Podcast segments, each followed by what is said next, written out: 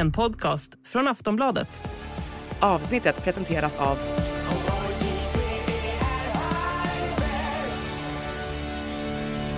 Stödlinjen.se, åldersgräns 18 år.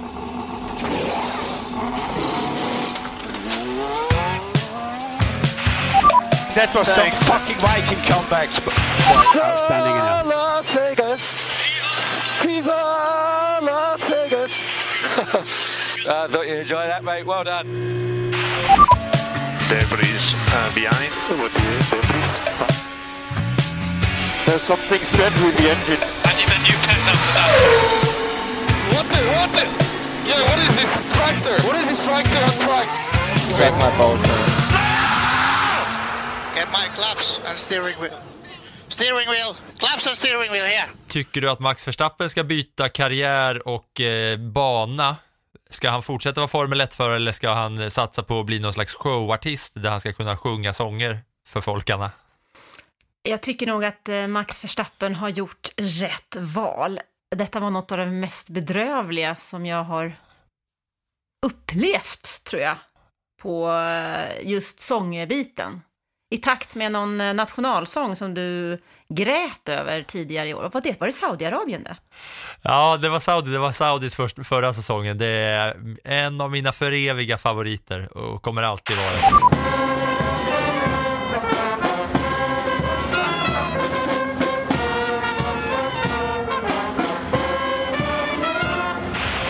Men Max Verstappens eh, sång, den var ju något annat. Men han var glad i alla fall, för han har, han har inte sagt någonting positivt överhuvudtaget om eh, Las Vegas och eh, Las Vegas GP-helg. Men när han väl hade vunnit och när han hade eh, kört eh, Eh, när han hade kört Russell av banan, när han hade trängt ut Charles Leclerc i första kurvan, när han inte hade hjälpt Sergio Perez till att eh, toa så han slapp bli omkörd av Charles Leclerc i sista kurvan. Då var han glad i alla fall för Stappen och kunde sjunga de här ljuvliga tonerna. Ja, men det, det känns nästan så lite, alltså extremt falskt på något sätt, va? Hata, hata, hata, hata, och så vinner jag, men då blir jag glad igen. Då, får, då funkar Ja. det, då får jag som jag vill. Alltså, eh, jag vet inte, jag, varit inte, jag är inte jätteimpad av den enorma kovändning som han gör när han står och talar om att han är så excited to be back next year. Efter att ha spytt galla i, ja det enda han har gjort är att spytt galla och jag måste ju säga att jag var otroligt tveksam inför det här racet med allt vad det gäller spektakel och allt runt omkring men kommer vi väl till racingen, alltså jag tyckte det var ett riktigt, riktigt roligt race att titta på när man väl fick racea. Därför känns det nästan lite som att, eh, nej, så där, riktigt så mycket får man faktiskt inte vända. Nej, men det som känns så jävla speciellt nu inför det här är ju att det har varit så mycket Hoola baloo och så mycket grejer runt om racingen så att man nästan har glömt bort att det också ska köras ett race och glömt att göra analysen av ja, men vad kommer det för, kunna bli för typ av race här. För det enda jag hade att gå på det var att jag har kört den här banan ett par hundra varv själv nu i min lilla stol och bara känt att oj, det här är en av de roligare banorna att köra, tycker jag. Det blir de roligaste racen på en liksom lekmanna amatör tv-spelsnivå. Eh, men det här var ju så mycket runt saker och ting och invigningar och kändisar och lampor och pengar och priser att när racet väl kom då blev det som att man tappade hakan att det här var inte värdelöst. Och istället var det fantastiskt.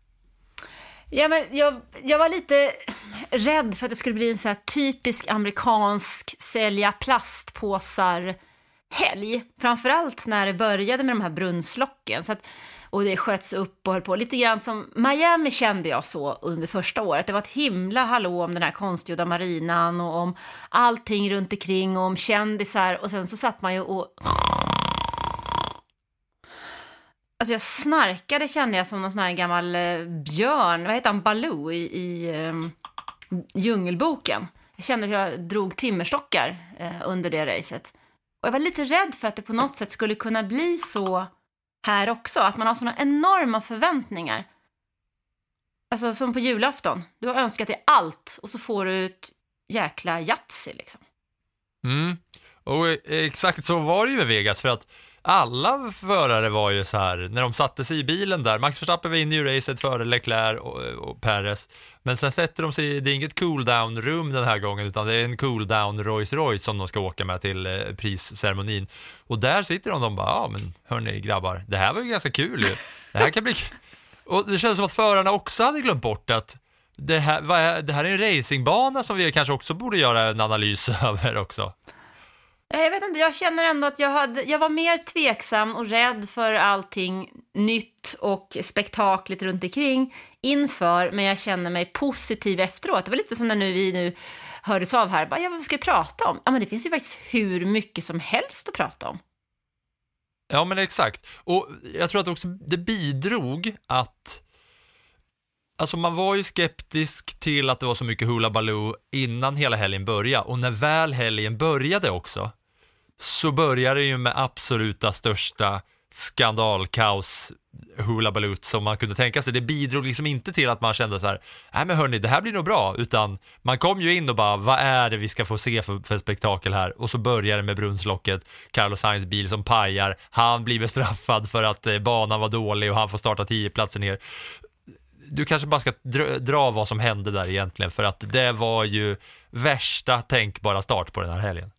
Ja, så det var ju inte bara Carlos Sainz bil egentligen, utan det var även Esteban Ocons bil. De körde alltså över ett, ett litet brunnslock som släppte. Och det där är ju ingenting ovanligt när det är stadsbanor.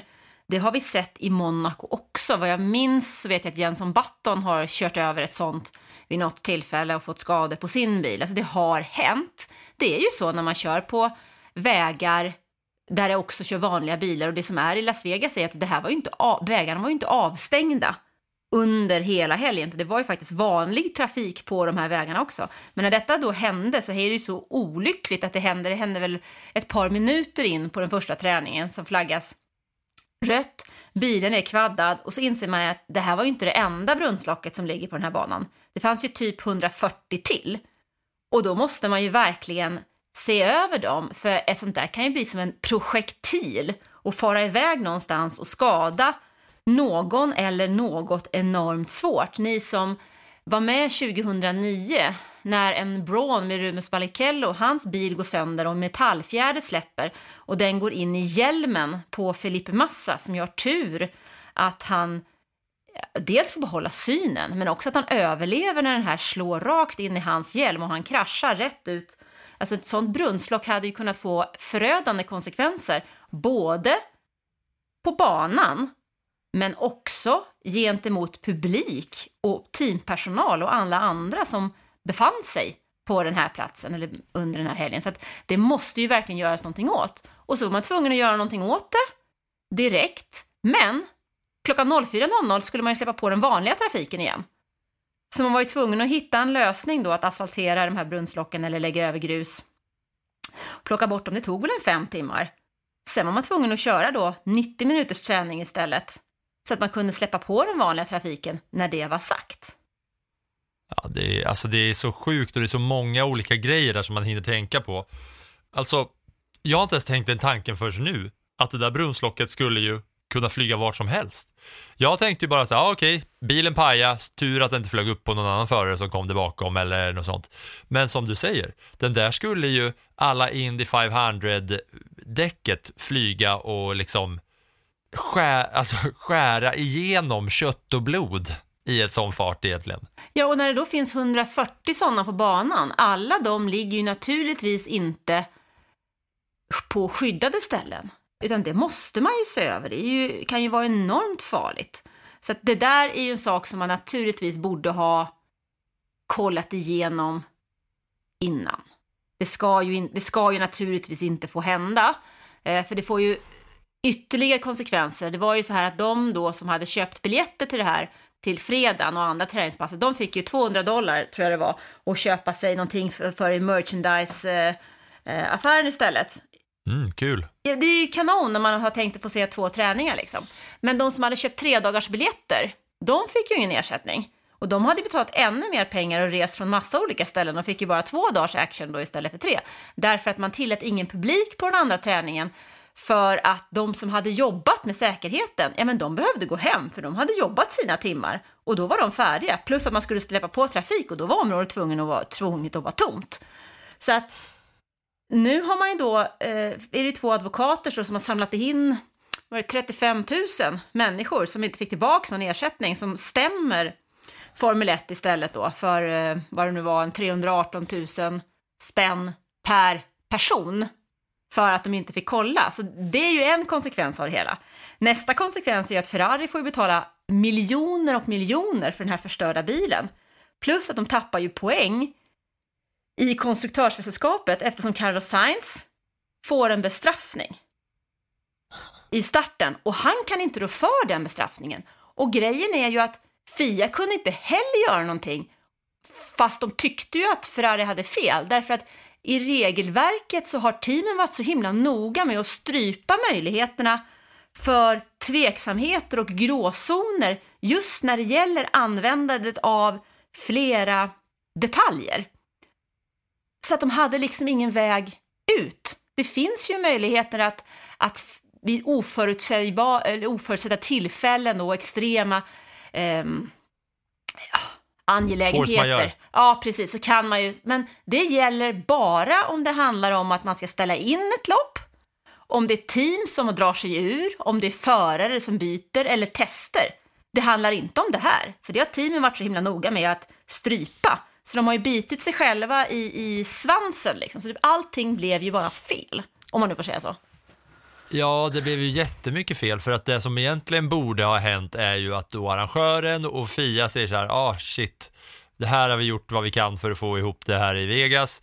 Vi missade den här lilla detaljen. Surt för dig Sainzen, din bil paja, men tur att du behöll nacken och ryggkotorna i alla fall. Eh, nu kommer vi inte bestraffa dig med 10 platser, vilket gör att du, du, hamnar mitt i skiten och vi kommer göra så att du har eh, liksom möjligheten att köra om lite fler poäng, vilket innebär större bonusar för dig och mer pengar till teamet. Ja, Istället så blir det ju liksom kaka på kaka på kaka på lax på lök och allt sånt. Ja, men tänk om de istället har sagt att ja, men vi tycker lite synd om dig nu här, Carlos Sainz, så du får flytta fram 10 platser istället. Ja. Ja, för den där Ferrari gick ju fort framförallt i kval ju. Han körde ju bra sen med den där bilen, men då kommer ju också nästa steg sen. Alltså det som händer är att innan kvalet börjar så står det klart att Sainz får bestraffning med 10 platser för att han byter för många eh, komponenter i bilen, vilket gör att de har tagit för många under säsongen och då får han 10 platser. Och det i sin tur leder ju också till att, ja men då får de in nya delar som kanske gör att bilen är piggare och fräschare också. Vilket också gör att så här, det hade de inte tänkt ändå de hade inte tänkt att ta det bytet. Då, hade de kanske, då fick de kanske in en lite piggare motor eller en lite piggare del som, som var ny och, och fräsch. Så det är så himla många saker där åt alla håll och kanter. För ett litet, litet brunnslock, eller ja, vad du nu sa, 140 stycken. Ja, det var, ju, det var ju ett som inte funkar, men, men 140 totalt om jag har fått rätt uppgifter. Så att, ja, det känns lite som Magnus och Brasse där bara. Fel, fel, fel, fel, fel. Mm. Eh, ja, och det där var ju överallt efter första träningen när man liksom började spana omkring, för man visste att det skulle hända mycket roliga grejer runt omkring där. Och vi har inte ens nämnt Netflix Swing to Survive, golfen blandat med Formel 1, när Sainz, Norris, Albon och Gasly spelar golf med fyra PGA-proffs där runt eh, Vegas innan och de körde då liksom golf i Vegas tillsammans med att de raceade då, en F1-förare och ett golfproff tillsammans. Missar du det? För det, det är ju liksom min, det är min ultimata liksom, algoritm i alla feeder. Jag har bara på mina liksom, sociala medier, jag har klipp från golf, klipp från Formel 1. Det är allt jag har och så slogs de där två ihop. Liksom. Jag har PGA-touren och Formel 1, det är min algoritm. Liksom. Vad trevligt för dig då. Nej, jag tillhör ju det här äh, gänget VVG, Våga vägra mm. golf, som du vet. Just så jag ja, höll mig så långt bort ifrån alla svingar som möjligt. Ja, och det kanske finns fler som lyssnar på den här podden som är likadana, men jag kan säga att jag älskade den grejen. Men eh, ja, det är ju, det, det, ser vi. Alltså, det känns som att det finns mer att säga om saker och ting. Vi har liksom Valtteri Bottas aktion på när han sålde ut sitt arsle i på, på auktion. Eh, och så har vi den här eh, bröllops, the, bröllopschapel Eh, att man kunde gifta sig där i Vegas som är också en klassisk grej. Man åker till Vegas, let's go to Vegas and get married. Det finns ju hur mycket låtar som helst som handlar om det. Att F1 öppnade ett eget Lights Out eller vad det nu var, Drive to the Altar eller vad det nu kan ha hetat. Och eh, Jacques Villeneuve gifte sig där. Eh, vi har hela The Sphere Hula Balut och vi skulle kunna göra ett, ett avsnitt bara om allting fram till racet. Och sen får vi göra ett avsnitt nästa vecka som handlar om racet. När ska vi prata om Abu Dhabi då? Tar vi det till nyår eller? Ja, det tar vi till nyår. Det får sparas det också, för där kommer vi få se nytt kaos och eh, Hula Baloo. Eh, men eh, okej, okay, brunnslocket, det var det där. Sen, eh, sen så var det väl liksom, ja, alla bilar hade nya, nya eh, vad säger man nu? Jag säger liveries, men det är liveries va? Alltså hur bilarna ser ut, nya utseenden på sina bilar. Ja, precis. Det var ju väldigt mycket sånt. Mycket lila hos Red Bull till exempel. Det tyckte jag inte alls var snyggt. Jag älskade den bilen. Jag tyckte det var hur snygg som helst. Red Bulls bil hur snygg som helst. Alfa Tauris bil hur snygg som helst. Ferraris, oj, oj, oj. Jag tyckte alla de där var hur snygga som helst. Alltså för... Och hjälmarna. Mm. Alltså Ferraris håller jag med dig om. Eh, Alfa Tauri, den fick ju mig, den gav ju mig som har bott i Kiel väldigt, väldigt länge eh, zebravibbar. Jag kände ju liksom Staffan Olsson, Magnus Wislander, Stefan Lövgren här, Niklas Ekberg, den riktiga Di Zebras liksom. Eh, I min, min handbollshjärna så kändes det där som en dålig italiensk kopia av ett av en av handbollsvärldens genom tidernas största klubbar med några av Sveriges bästa handbollsspelare. Så den tänkte jag kändes lite töntig. Men Ferrari gillar jag. Ja, ja jag, jag, jag Tänk dig ändå att då satt de där handbollsgubbarna och körde den där Alfa Tauri-bilen. Den var, ju, den var ju snygg bak till och lika ful fram till i alla fall. När man såg den vid sidan, snett bakifrån, då såg man ju den här zebra, eh, det goa liksom. Eh, det tyckte jag var härligt. Och sen var det ju alla hjälmar hit och dit och alla kändisar hit och dit. Jag, tycker, jag orkar inte ens nämna någonting om eh, kända människorna. Du slår fast att Alfa Tauri var fulast och Ferrari snyggast. Alla andra hade ju så här små, det, var så, det är sån sjuk flört, eller det är så sjuk mix då, men man vet hur mycket pengar som finns i Formel 1 och när man också vet hur mycket pengar som finns i Vegas, att behöver de, behöver de mer liksom PR för gambling liksom? Med alla pokerflörtar eh, och alla liksom eh, grejer från korten som fanns överallt. På curbsen så var det ju rutor, på, rutor spader, klöverhjärter, på hjälmarna och på bilarna. Allt och överallt. Och sen har vi inte ens, eh, alltså The Sphere-grejen, jag tappade hakan varje gång de filmade den. Det spelar ingen roll. Det var, det var så sjukt. Ja, den... Eh... Ja, alltså jag tappar ju inte bara hakan, jag känner att jag blev mållös liksom. Ja. Tänk dig vad det kostar att köpa en liksom 25 sekunder på den där bollen under bästa sändningstid vid Formel 1. Alltså, vil, vilken reklamspot alltså. Otroligt. Ska vi ta oss in på racingen på något sätt? Eller vi kommer ju ändå komma tillbaka hit ändå för att eh, när vi snackar gul flagg så kommer vi säga något om den där bollen också. Så vi tar oss in i kvalet ändå. Det tycker jag. Och inför det här kvalet då, eller inför hela den här helgen, du ser, jag kommer två sekunder från att jag har sagt nu tar vi oss till racingen, till att jag kommer tillbaka till någonting som har snackats om på förhand. Kylan, som det snackades mycket om att det här skulle bli det kallaste racet genom alla tider och, och, och allt det där. Det var inte så himla kallt som det hade snackats om, men vi, har, vi glömde ju nämna att man körde ju mitt i natten här. Träningarna höll ju på liksom, de började väl köra 03 på natten vid Vegas. Det, nu, jag sa att vi skulle till kvalet, men sen går jag tillbaka efter en och en halv sekund. Ja, men det där är ju, kylan är ju, jag hade tänkt att vi skulle prata om den lite senare faktiskt, eh, för det blir en väldigt stor, den har ju, även om det inte var så kallt som man hade trott, så påverkar den ju framförallt däcken väldigt mycket. Och det blev ju väldigt tydligt här, eh, en bil som Ferrarin till exempel, som annars har haft väldigt stora problem med däckslitaget, eh, den funkade ju alldeles utmärkt här under hela racet. Mercedes å andra sidan funkade ju inte alls. Den hade ju väldigt, väldigt svårt att ta sig in i den temperaturen som skulle göra att de däcken arbetade optimalt. Så att Kylan, nej det blev inte, inga frostskador som man hade pratat om innan, men däremot så var det ju en eh, detalj som påverkade både racet och racets utgång och som vi ska ha med oss när vi lite senare idag pratar om inför Abu Dhabi. För då blir förutsättningarna helt annorlunda just på grund av temperaturen.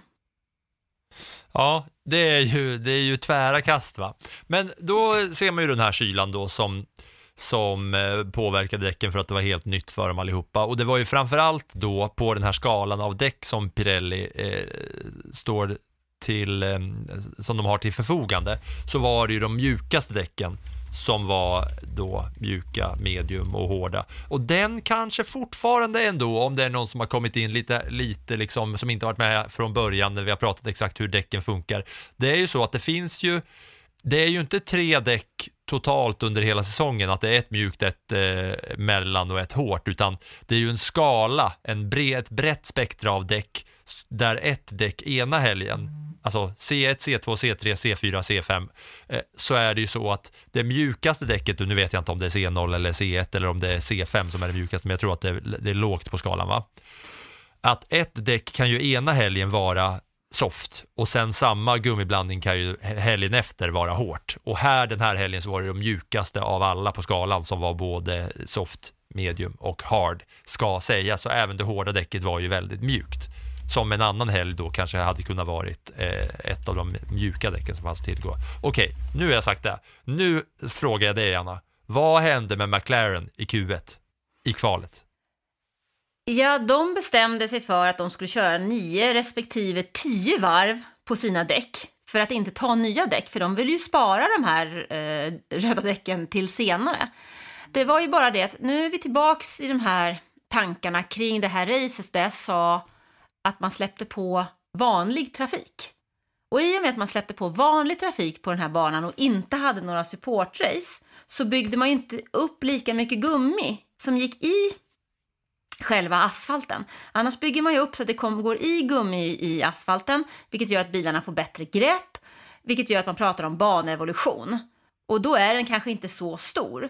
Men här hade man ju kört med helt vanlig trafik emellan, så det fanns inte det här eh, lagret av gummi som låg i, utan det blev ju mer och mer gummi ju längre tid som man körde under kvalet.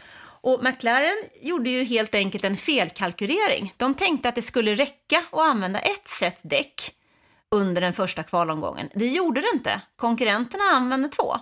Och sen såg vi också hur den här banan utvecklades något rejält under hela kvalet, vilket också gav oss en väldigt intressant eh, startuppställning. För där handlade det ju inte egentligen bara om att köra snabbast, utan också om att köra snabbast vid rätt tillfälle. Vilket det ofta gör, men att det blev extra tydligt den här gången att det handlade om att sätta varvet så sent som möjligt eh, ju också. Alltså en till grej, jag kommer aldrig komma framåt här. Att släppa på vanlig trafik, det tycker jag också är en grej som man verkligen så här lyfter på ögonbrynen för. För av alla platser på jorden så finns det ju flest dårar i Vegas, tänker jag. Som skulle kunna liksom göra skit med det här. Någon kan åka i en bil full som satan efter en Vegaskväll, spy ut genom rutan, en annan kanske får för sig att här nu ska vi göra något kul och hälla olja, eller vad det nu kan vara. Och att hälla olja, det hände ju också när det var någon Eh, när det var någon eh, bil som hade läckt olja, eh, men det var någon servicebil eller någon bil i motorparaden som gjorde att det hängde någon jävla pulver där på start och målrakan också. Ja, alltså, jag kommer ju inte framåt. Nej, alltså du måste ju börja sortera upp det här lite grann, vad, vad vi ska göra Filip, vilken ordning vi ska ta saker och ting, för annars blir det här en himla cirkus. I och för sig är det ju cirkus i Las Från Vegas, men... men från och med nu ska jag bestämma att från, nu får jag inte blicka bakåt längre, jag, oavsett vad jag kommer på för dårskap. Eh, hur det var. Det, det gick åt helvete för McLaren i alla fall. Några som det inte eh, gick åt helvete för, det var Williams och Alpin. För att eh, Williams, med både Logan Sargent och Alex Albon, placerade sig otroligt bra i det här kvalet. Ja, eh, det var faktiskt intressant. Det var roligt att se att eh, kvalet den här, eller kvalen har ju ofta varit väldigt, väldigt intressanta i år. i många race så jag, har jag tyckt att kvalet kanske var bättre än själva racet. Men den här gången så var det lite roligt att se att dels så var ju Ferrarin väldigt, väldigt kvick. Och Max Verstappen såg ju inte alls ut att trivas, vilket gör att man får en viss förhoppning efter, inför racet. Det var också kul att se Bottas högt upp i sin Alfa Romeo, Williams, Alpin med Gasly såg också bra ut, medan då förare som Sergio Perez och eh, Lewis Hamilton inte ens gick vidare från Q2. Ja, eh, och det var ju liksom, man har ju vant sig nu under den här säsongen ungefär hur det ser ut. Det är Leclerc på pole och Verstappen vinner racet oftast. Och precis så var det ju den här gången också. Eh, den här gången var Leclerc rätt så mycket snabbare än Verstappen, men kollar man på topp 10 här nu, eller ja, i och med Sainz bestraffning så var ju han 12 och Perez 11 och Hamilton 10. Eh, Norris ut, Piastri ut. Det var mycket grejer där neråt, men utöver då Leclerc Verstappen 1 2 så slutade kvalet med Russell som trea, Gasly som fyra, Albon som femma, Sargent som sexa, Bottas som sjua, Magnussen som åtta och sen Alonso som nia, Hamilton tia. Det känns för varje position som man går där så bara va, va, va, va, va, va? På allihopa. Så det var ju, det var ju en rolig startordning på allihopa, eller det var ett roligt, roligt kval som eh, jag ändå tycker överträffades ändå av, av eh, racet. Va? Eh, Sunoda, han var sist och han var inte glad för det. Han gjorde en liten stroll i depån det är ju sula grejer. Han kastade upp nackskyddet, eller vad det nu kan kallas, det här lilla skyddet som man har runt sig. Man sitter som man tar av när, man, när ni ser folk hoppa upp där. Den kastade han all världens väg rakt framåt. I sina små armar. Hans heter det va? Tror jag, det nackskyddet. Hans, som mm. namnet Hans. Mm. Ja, han sulade Hans eh, över bord. Han sulade Hans över bord, ja. Alltså jag har svårt att bli upprörd mer över Tsunodas upprördhet, för han... Eh han kan ju inte kontrollera sin ilska. Alltså jag undrar, den här, undrar om han sparkat terapeuten eller vad det är för terapeut han har. För jag tycker inte att det gett någon större skillnad eh, under de här säsongerna som vi har sett honom i Formel 1. Jag tycker bara att Karl blir argare och argare. Liksom. Det brukar ju vara tvärtom. Mm. Eh, ja, så var det verkligen. Jag, jag, tittar här nu också så ser jag ju att eh, Ferrari-bilarna kvalade in på en, på en tid som var under 1.33. Eh, Sainz på 1.32.770 och Leclerc på 1.32.726. Så det var ju snortajt mellan de två. Sen hade alla en tid på 1.33 eller 34 hela vägen ner till Stroll. Förutom då Sunoda som gick i mål på 1.36 4-4-7, vilket var extremt mycket långsammare än alla andra. Så Synoda hade ju inte det fantastiskt där i alla fall. Men som många gånger förr i alla fall så var det Charles Leclerc som var snabbast i kvalet och när kurva 1 kommer i racet som vi ska nu ta oss in på så var Max Verstappen förbi Charles Leclerc. Ryan Reynolds here from Mint Mobile. With the price of just about everything going up during inflation, we thought we'd bring our prices down. So to help us, we brought in a reverse auctioneer, which is apparently a thing. Mint Mobile unlimited premium wireless. Ready to get 30, 30, bit to get 30, bit to get 20, 20, 20, bit to get 20, 20, bit to get 15, 15, 15, 15 just 15 bucks a month. So, Give it a try at mintmobile.com/switch. slash $45 up front for 3 months plus taxes and fees. Promo for new customers for limited time. Unlimited more than 40 gigabytes per month slows. Full terms at mintmobile.com.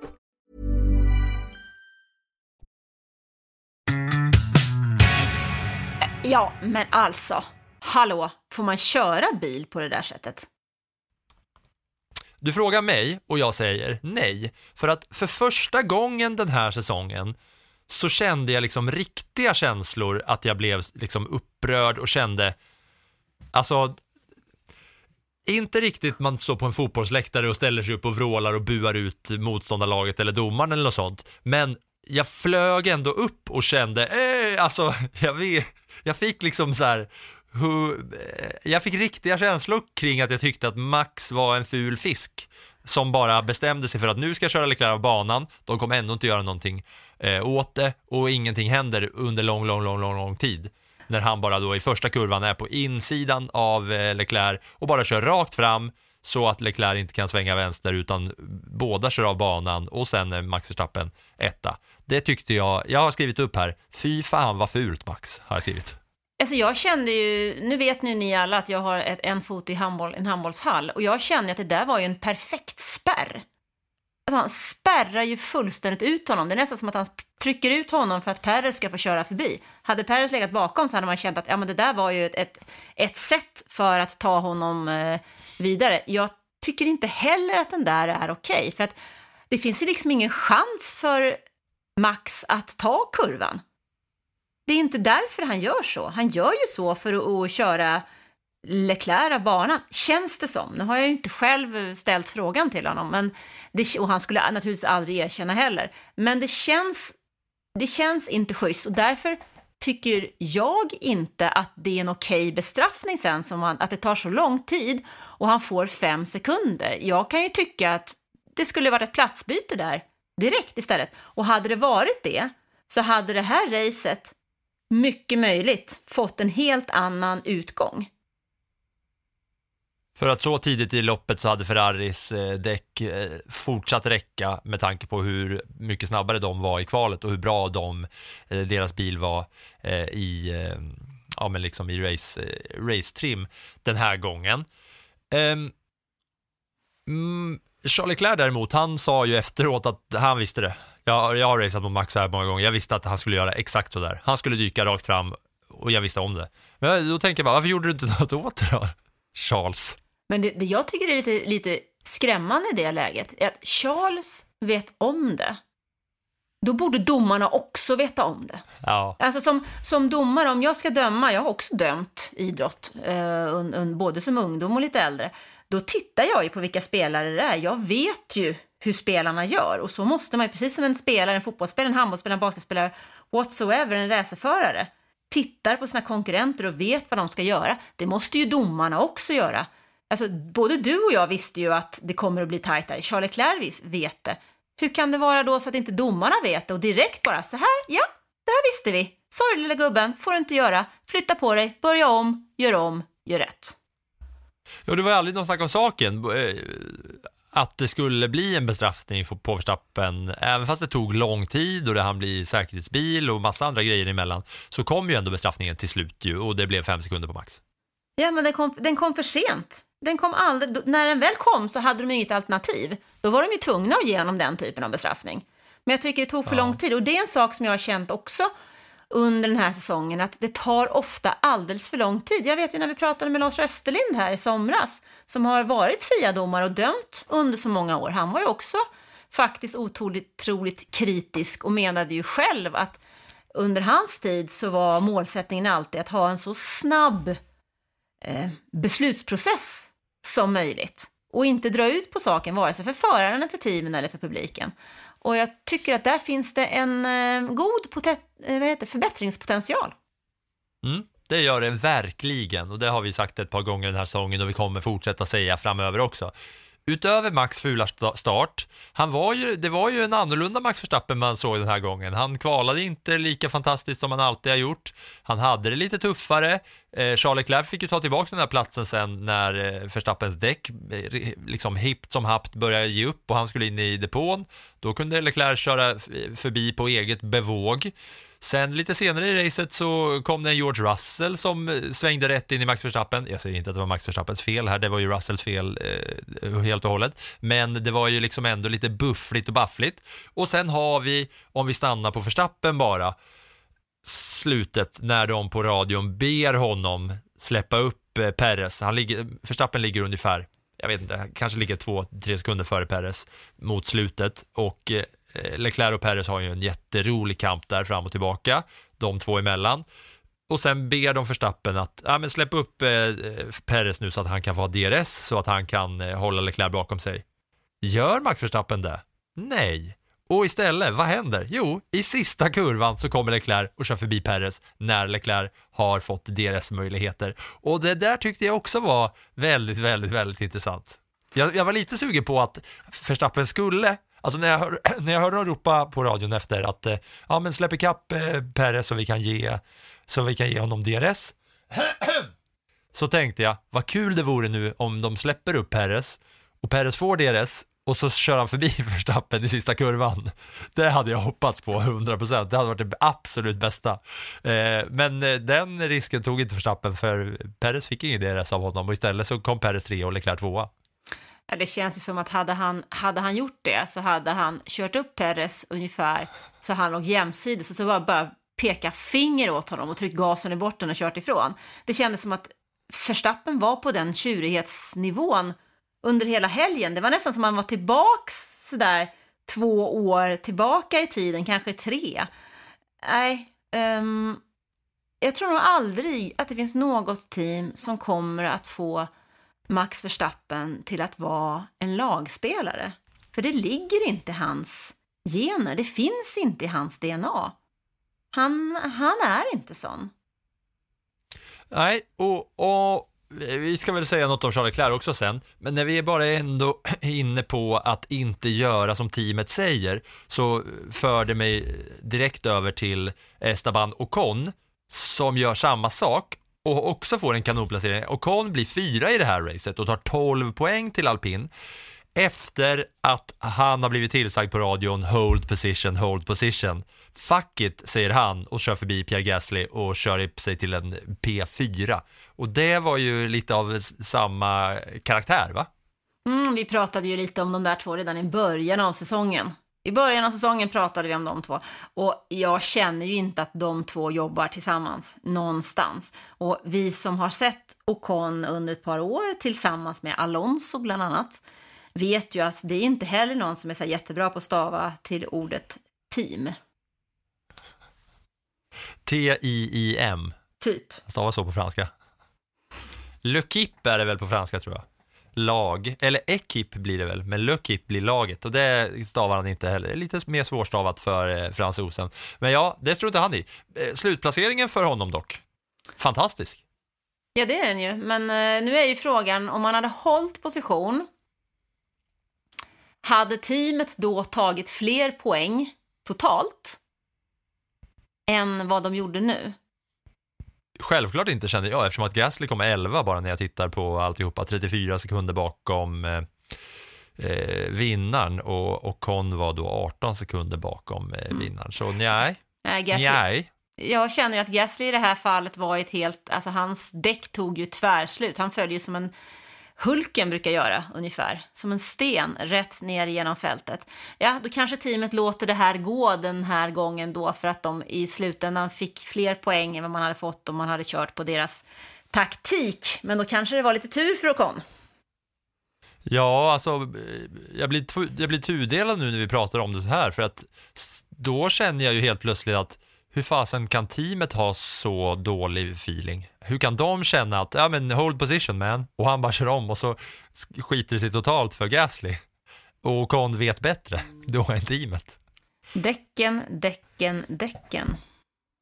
Ja, det är det. Eh, då har vi hoppat till Ocon som blev fyra och då har vi hoppat över kampen om andra platsen Charles Leclerc mot Sergio Perez. Och vad har man egentligen att säga om det där då, förutom att Eh, när vi snart nu närmar oss december och ska göra en slags årsgenom eh, sammanfattning där på slutet, eh, årets omkörning, så känns ju att eh, Leclercs omkörning precis där i slutet är uppe på min lista i alla fall i nuläget innan jag har gjort grovjobbet och kollat igenom de bästa från säsongen. Ja, men den, jag tycker, den är jätte, jättefin. Absolut. Den är kul att se och det är kul att få den avslutning på dig. Så det som jag kan känna lite när jag tänker tillbaks, det är ju faktiskt det att det är inte så här eh, jättelänge sedan som eh, vi var i Brasilien och Perez torskade en liknande fight mot Alonso. På mållinjen med tungan. Eh, lite så va? Det är lite så här Cars-feeling eh, över det. Ja. Ja, jag vill bara säga innan du går vidare, fan vad jag skämdes efter det där för att jag drog ju parallellen till Bamse och åsnan drar ut tungan. Och bara fyra dagar innan hade jag sett Cars. Och jag fattar inte, det är en av mina favoritfilmer genom alla tider, Cars. Och jag inte drog parallellen till, till Lightning, McQueen som drar ut tungan. Istället så är jag åsnan i Bamse. Det talar om hur jäkla gammal och förlegad jag är nu får du fortsätta, förlåt mig. Ja, men eh, det, det, får mig att fundera över Peres framtid i teamet igen. Han är ju klar tvåa i VM, men är han eh, säker? Alltså, så länge Daniel Ricciardo sitter i en Alfa Tauri så tror jag inte att Sergio Perez är säker. Och de här två förlusterna sitter också som två djupa taggar i Red Bull-tjuren någonstans. Och eh, jag kan inte... Jag kan inte säga att det är lugnt inför nästa år, för att någonstans så... Man har ju bara placerat Daniel Ricciardo där av en enda anledning. Och det är att han ska pressa Perez. Det är den enda anledningen till att han sitter i den bilen. Så att eh, jag tror nog att han kommer få det lite hett om öronen. Ja, allt och allt, eh, allt om kampen i Brasilien där kan, man, kan jag släppa, men bara här, Las Vegas, är det Perez, hur mycket är Perez fel och hur mycket är teamkörningens, eh, eller den uteblivna teamkörningens fel att Perez blir trea och inte tvåa, känner du? Ja, men det är ju en kombo, men Perez får ju inte hamna i den situationen. Sen är det ju så att det är en, den här banan var ju rolig för oss som tittade, därför att det var inte så att det var DRSen som var skillnaden, utan det var ju tone som var skillnaden. Det gällde ju att hänga så nära hela tiden. Och där kändes det som att Sergio Perez inte hade koll på hur nära Charles Leclerc faktiskt var och körde upp sig, utan som att han eh, det kändes som att vi, vi, han nästan bara öppnade dörren liksom. För han satt och somnade och tänkte på något annat. Det kändes inte som att han, han kändes lite för safe. Eh, och det måste ju gå på hans egen, eh, tycker jag. Sen med lite help from his friend Max Verstappen så hade han nog kanske klarat det där ändå då. Mm, Norris krascha. Norris kraschade ju redan i början, jag trodde du glömt bort det. Ja, nej, Norris kraschade i början. Vi, vi tar dem lite bit för bit här. Norris kraschade och eh, uppdaterade med bilder från sjukhuset senare. Men det var ingen dålig krasch. Det flög däck till höger och vänster och pang så satt han i muren långt bort i avåkningszonen.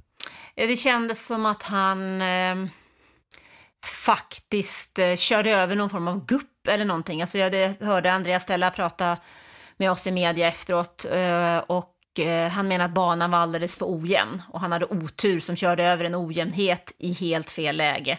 Eh, dåligt grepp med däcken som var kalla. Så återigen så väderförhållandena ställde till det och det vart en rejäl smäll för Norris som fick uppsöka inte bara Medical Center utan även sjukhuset men eh, det gick ju bra.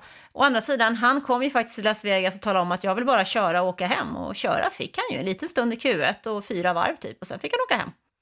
Fick åka och ta några Bamseplåster på sjukhuset först och sen eh, fick han dra raka vägen hem. Eller raka vägen till Abu Dhabi kanske. Jag vet inte hur de reser, eh, gubbarna. Men eh, ja, det var ju inte en kanon eh, weekend allt som allt för för McLaren efter att det har sett så himla bra ut. Piastri gjorde ju en rejäl uppkörning och blev till slut tia. Ehm, men det var inte kul för de två, jag vet inte om man ska säga så mycket mer, de har ju levt, flugit, kört på moln senaste veckorna och senaste nästan avslutade delen av säsongen, men annat var det nu. Ja, det här var ingen bra helg för McLaren, punkt. Och då går vi vidare till eh, nästa team. Där har vi Mercedes. Och Mercedes än en gång, de sa vi fick det helt fel, det gick åt helvete för oss, men nästa vecka i Vegas, då ska vi få ordning på det. Och här är vi igen. Vi, Mercedes står där och oj, oj, oj, vi tänkte fel, det gick åt helskotta. Vi kommer tillbaks nästa gång. Tack för att ni jobbar hårt. Det är Mercedes motto.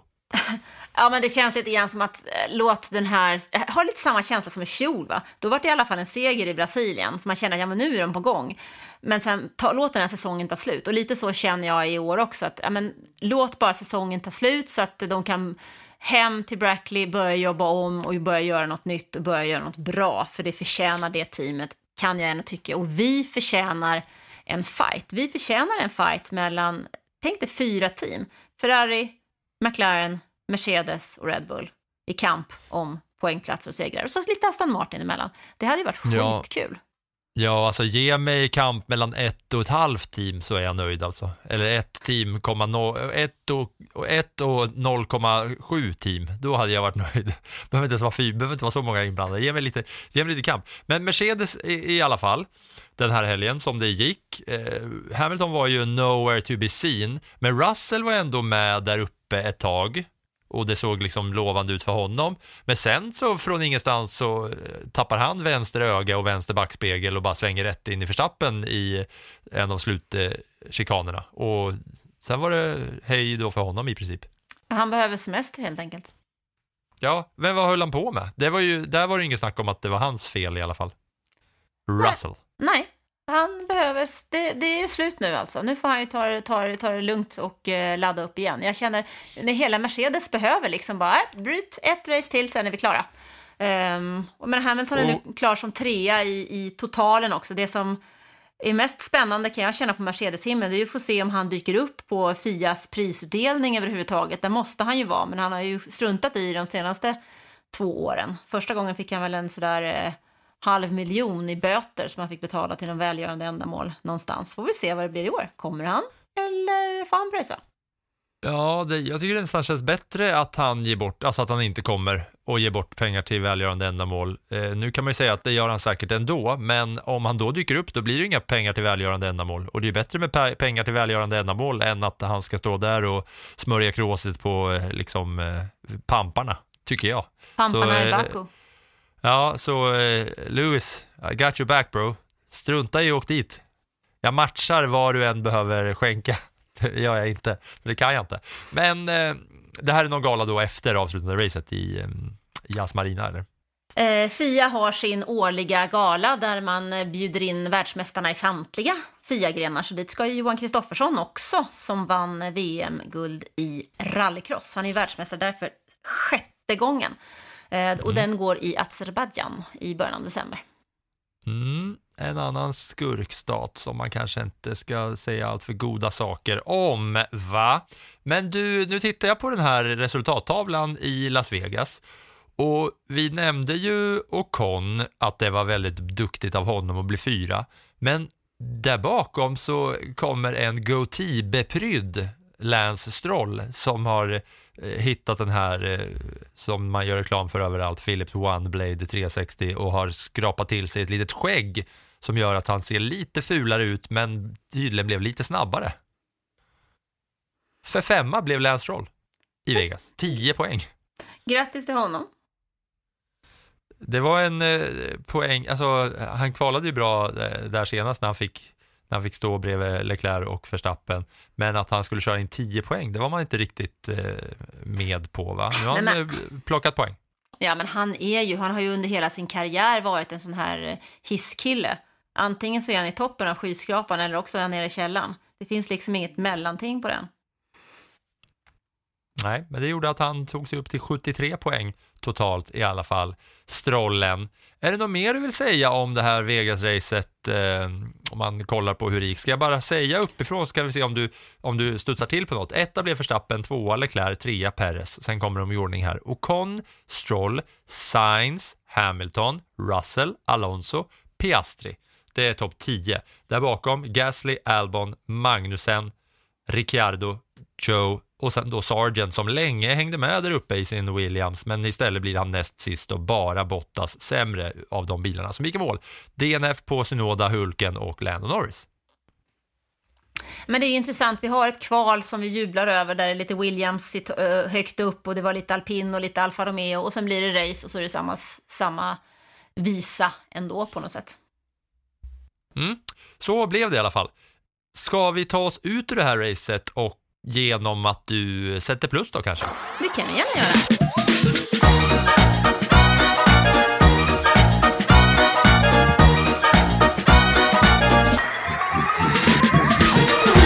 Jag börjar med ett motorstopp och det går ju till eh, McLaren. Det var verkligen motorstopp med det usla kvalet och sen eh, Norris eh, tur till sjukhuset och eh, Piastri hade inte heller någon rolig dag.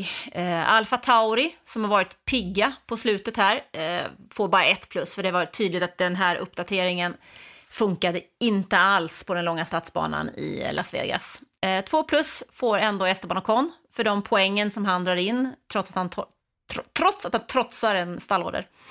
Är nästan lite snålt, tycker jag. Tycker du? Ja, men jag tycker att jag har bättre poäng högre upp.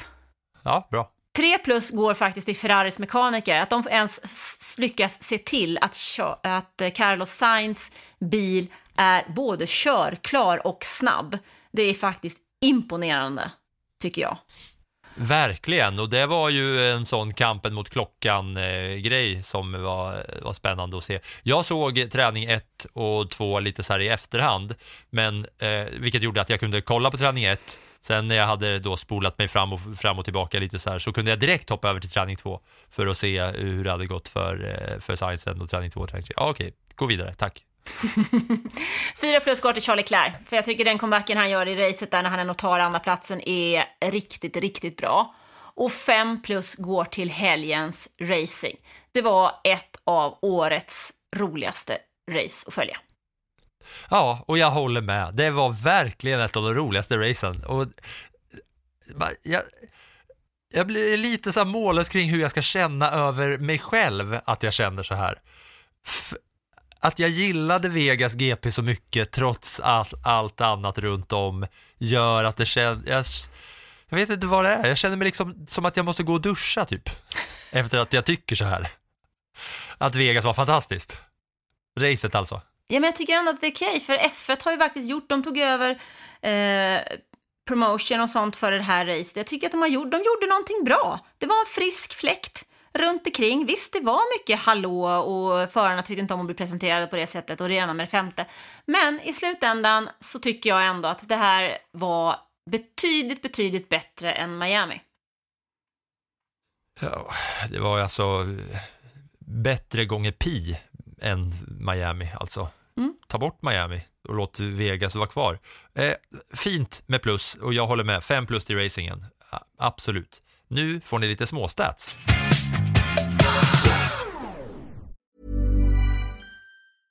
Hey, I'm Ryan Reynolds. Recently, I asked Mint Mobile's legal team if big wireless companies are allowed to raise prices due to inflation. They said yes. And then when I asked if raising prices technically violates those onerous two year contracts, they said, What the f are you talking about, you insane Hollywood ass? F- So to recap, we're cutting the price of Mint Unlimited from $30 a month to just $15 a month. Give it a try at mintmobile.com slash switch. $45 upfront for three months plus taxes and fees. Promo rate for new customers for limited time. Unlimited more than 40 gigabytes per month. Slows. Full terms at mintmobile.com.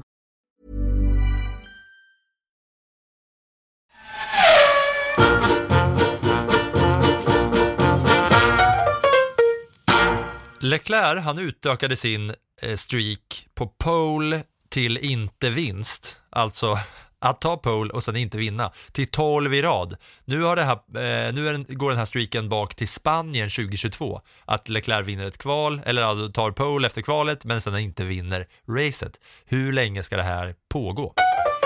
Nu när Norris har kraschat också så är Verstappen den enda av alla förare som inte har DNFat av alla de här då som har kört hela säsongen. Vi har ju Alfa Tauris eh, liksom snurr och kaos och alla andra som har hoppat in ett race här och där och sådär. Men eh, det är ju också någonting som jag faktiskt studsar till på. Att alla har DNFat utan den som vinner alltihopa och ja, det är ju någonting alltså. Sen är det så här att Verstappen inte bara är den som inte har DNFat, han har nu även gått om eh, Jim Clark som har varit den som har lett flest antal varv i procent under en säsong. Efter att Verstappen ledde så här många race nu. Nu, nu blir det siffror. Är du redo Anna? Mm. Verstappen har nu varit i ledning 75,06 procent av alla varv som har körts den här säsongen. Han har alltså lett av 1267 körda varv under 2023 så har Max Verstappen varit i ledning 951 av dessa. Och det gör att han har ledit fler varv i procent än Jim Clark gjorde 1963 när Jim Clark ledde 506 av 708 varv under hela 1963-säsongen. Det är ändå någonting ju. Sen är det Nigel Mansell som är trea 92 och Fettel fyra 2011 av den statistiken. Så där är han förbi också. Och en annan grej, det blir ju mycket Verstappen eftersom att det är så här det är va, och det kan ni som har hört den här podden. Han har 33 segrar under 2022 och 2023, det vill säga förra säsongen och den här säsongen. Och bara de här 33 segrarna på två säsonger placerar honom som sjua i flest antal segrar någonsin i historien. På bara två säsonger. Och ja, det är ju så att det körs fler race, vilket gör att en överlägsen bil vinner fler race och det är lättare att komma upp i topp. Men så är det alltså. Det var allt jag ville ha att säga om småstadsen. Nu vill jag blicka framåt mot nästa race för att blicka bakåt, det är jag jättedålig på. Vi blickar framåt. Ja, då gäller det att sätta klockan på tre på lördag. Tre lördag eftermiddag, precis lagom till fikat, så är det kval till säsongens sista race i Abu Dhabi. På söndag startar säsongsfinalen i Abu Dhabi klockan 14.00 våran tid. Och vad kan vi förvänta oss då? då? Jo, alltså den är ju en kamp om plats fyra i VM.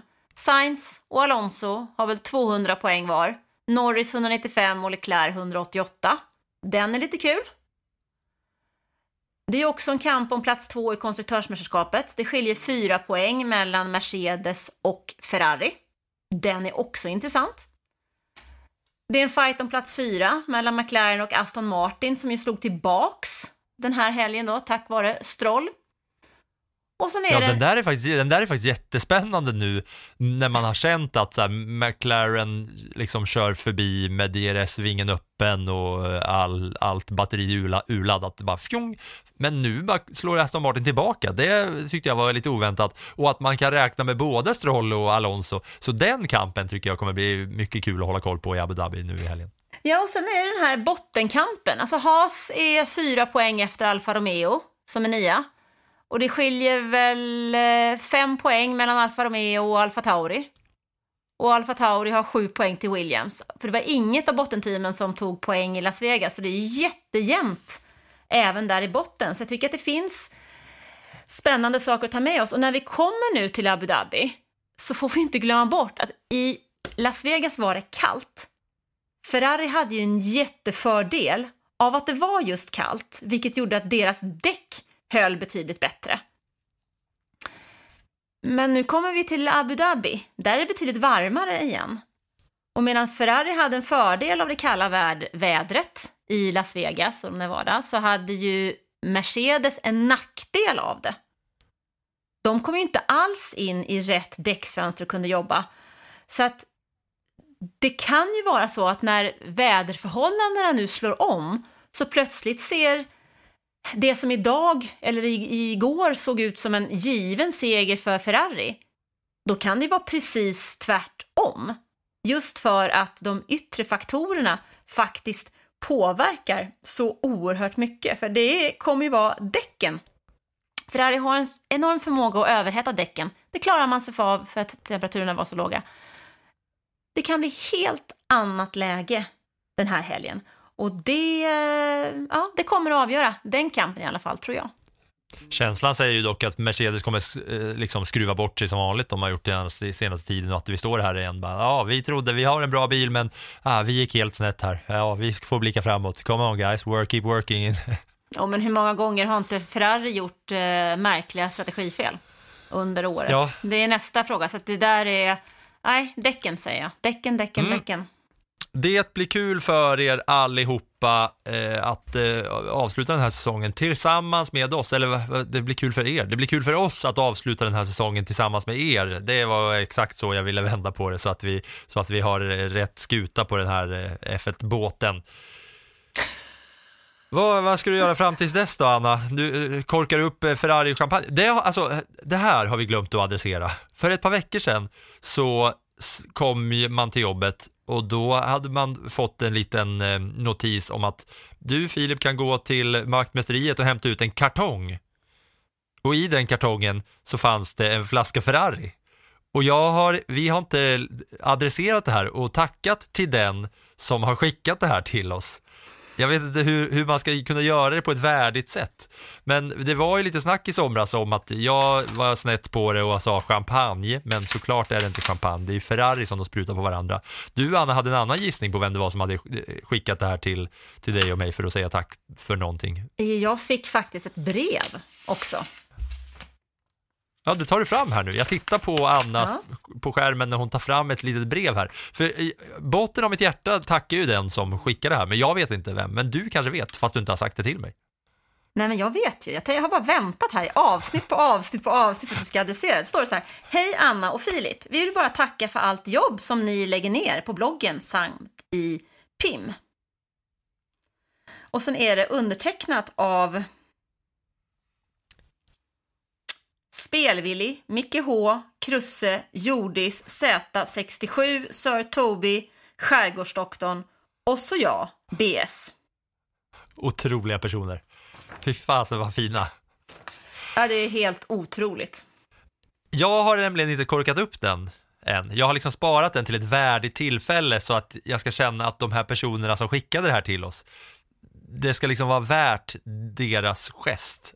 Att jag inte bara öppnar den här utan det ska vara något härligt för det. Det Ja, kanske är ja. dags. Det kanske är dags. Eller så blir det när vi ses på redaktionen nästa gång och eh, poddar, kör poddmaraton jag. Ja, vet? eller, när någon, eller när någon av de här eh, ser oss eh, en annan gång. Ja, det är nästan så att man skäms att man inte har sagt tack till det här innan, men jag har liksom inte vetat vem jag ska tacka. Så, så tack, vad fint det här, den där lilla gesten var. Det avslutar vi på en glädjande not. Det tycker jag. Ja, nu ska jag nästan gå och lägga mig här. Det är måndag 20 november, klockan är 14.53. För imorgon ska jag åka upp till Luleå och, och göra hockey i Luleå för det första, där det är 14 minusgrader. Jag måste pälsa på mig och värma upp mig redan nu för eh, hockeyresan. Som ni kan se på Sportbladet eller på våra olika sociala medieplattformar. Jag och Marcus Leifby åker ut och kollar på hockey på alla olika nivåer. Det var det enda eh, som jag ska säga om det för att det här är en F1-podd. Okej, Anna, ska vi säga tack och hej bara? Jag tycker vi säger tack och hej och jag tackar också för engagemanget i blogg, i live, här och så ses vi till helgen på F1 Live. Abu Dhabi, tack, adjö. Outstanding enough. Las Vegas. Viva Las Vegas.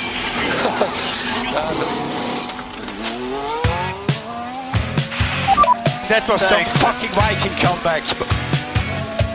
Debris uh, behind. There's something strange with the engine. And you then you count after that. What the, what the? Yeah, what is this tractor? What is this tractor on track? Set my in. Get my claps and steering wheel. Steering wheel. Claps and steering wheel here.